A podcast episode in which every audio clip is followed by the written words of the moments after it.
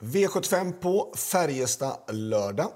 Eh, det har snöat en hel del i Värmland och eh, lite svårt att veta vilka banförhållanden det kommer att bli. Ehm, mest sannolikt kommer i alla fall behöva broddas bak. Det vore väldigt konstigt annars eh, med tanke på det är vinter och att det är väldigt kallt än så länge. Ehm, men det kan hända att det går att köra utan hakar, broddar i skorna fram ändå. Eh, det har det gjort de här andra tävlingsdagarna så att jag tror att det kan gå eh, om det nu inte blir massa fortsatt snöande såklart på lördagen. Ehm, Färjestad i övrigt, vad är det att tänka på? Det är eh, bakom bilen är ju då som de flesta andra banor, spår 3, 4 och 5 de bästa spåren. Uh, upploppet är väl ganska så normalt. 200 meter, inte jättelångt och absolut inte superkort. Uh, men ett ganska så normalt upplopp. Eh, uh, V75-omgången på Färjestad innehåller ju som vanligt många, några hårt betrodda och, men några som jag faktiskt ställer mig lite grann emot. men vi börjar med V75 1 och här kör jag nummer 1 Jarell Boko. Ehm, senast fick han stryk faktiskt utan nummer tre, Everglow Lemon. Och Everglow Lemon var jättebra. Jarell Boko löpte inte, eller han, löpte, han gick bra, men han löpte inte upp till sin fulla potential tyckte jag ändå.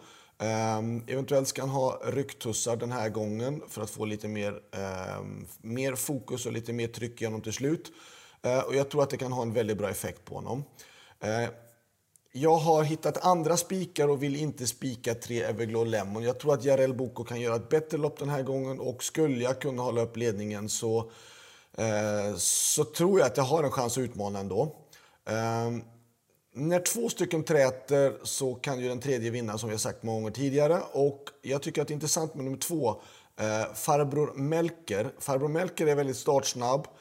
Eh, jag tror att han är aspirant på vinnarhålet, ändra eh, i rygg på mig eller att försöka ta sig förbi till mig och släppa till nummer tre Everglow Lemon. Jag tror att det är taktiken och om nu två stycken träter så, så kan det vara lurigt ändå. Jag kan tycka att det är värt att ta med den. Så jag har valt att ta med både 1, 2 och 3 i den första avdelningen.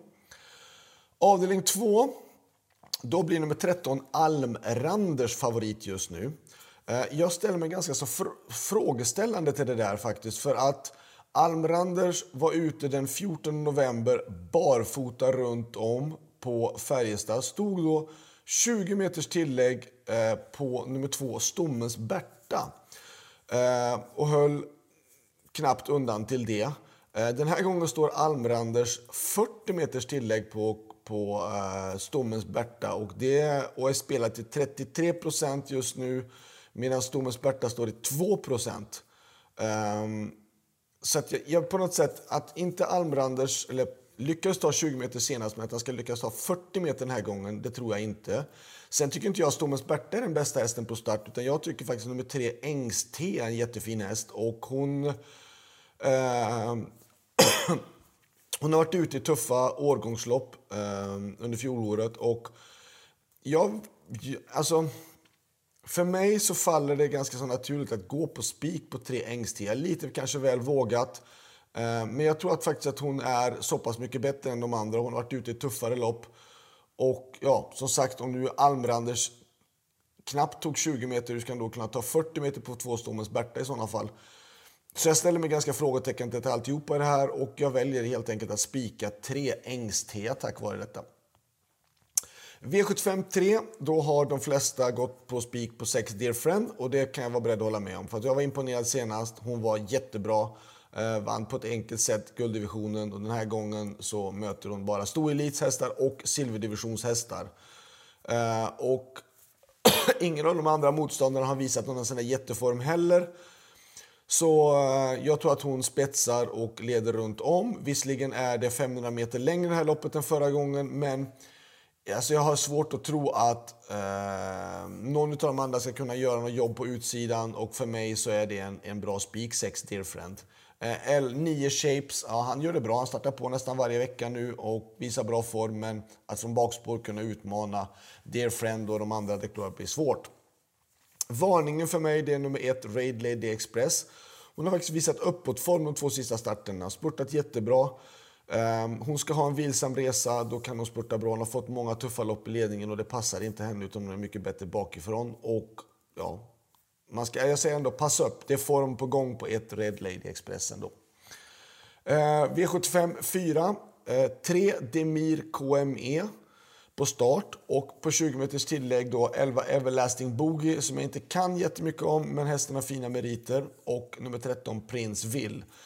Jag kan erkänna att jag känner mig lite, lite naken i det här loppet ändå. Eh, men jag har valt bara de här tre hästarna, 3, 11 och 13. V75 5. Det här loppet tycker jag är svårläst ändå. Jag är rädd att det kommer bli en jäkla körning i det här loppet. Jag har en startsnabb häst i nummer ett, Graces Candy, som går bra där framme. Eh, två powerbanker startsnabb, tre Ara är väl också snabb ut, fyra Pleasure for Cash, 6 Vinci Nice. Eh, jag tror att det kommer bli en rejäl körning. Jag har valt de här hästarna 1, 2, 3, 4, 6. Men jag har även valt att ta med nummer 9, Chiff Chaff. Jag tror att som sagt att det kommer bli en rejäl körning. Och eh, visserligen kanske ett lyxstreck att ta med Schiffschaff, men med tanke på eh, vad jag tror att det kommer bli tempomässigt så skulle han kanske kunna få ett lopp i draget. Och det kan vara ett bra skrällbud. V75 6, ett ytterligare ett voltstartslopp, eh, diamantstort. Jag tycker att ett Parfait AF är en stark rejäl häst. Eh, sju Dandelion Bonanza, det är de två som jag tycker är mest intressant på start. Och på 20 meters tillägg då så tycker jag 10 So Superb, 11 Alexi Quick och 14 Green Mamba är intressanta. Även med nummer 9 The Primrose. Men hon behöver ha, hon står lite hårt in i loppet och hon behöver ha en, en smygresa i sådana fall. Eh, Alexi Quick tycker jag är, hon är väldigt ojämn, precis som sin mamma var. Ehm, men om hon får till det så har hon kapaciteten för att kunna vara med och utmana i sådana fall. Hon känns i alla fall fin i träning. Så att 1, 7, 10, 11 och 14 i den sjätte avdelningen. I den sista och sjunde avdelningen så var jag hade först utgångshästar på 6 Maestro Zone, 7 Like a Boss och 10 A Sniper. Eh, men hade även råd att ta med ytterligare en häst och då valde jag nummer fyra Melby Indigo. Eh, Robert Bergs häst där. Och eh, lite fjärde spår volt, men jag tror att, att det kan vara intressant att ta med den. Så att 4, 6, 7 och 10. Slutsummering, bästa spiken, ja den är utan tvekan då såklart i den tredje hållningen som de flesta andra så kommer att spika nummer 6, Dear Friend. Eh, värt att tänka på chansmässigt för min del. Jag tycker då att i den första hållningen, nummer ett, Jarel Boko. Han kan mycket, mycket mer än vad han har visat. Jag tycker att han är intressant.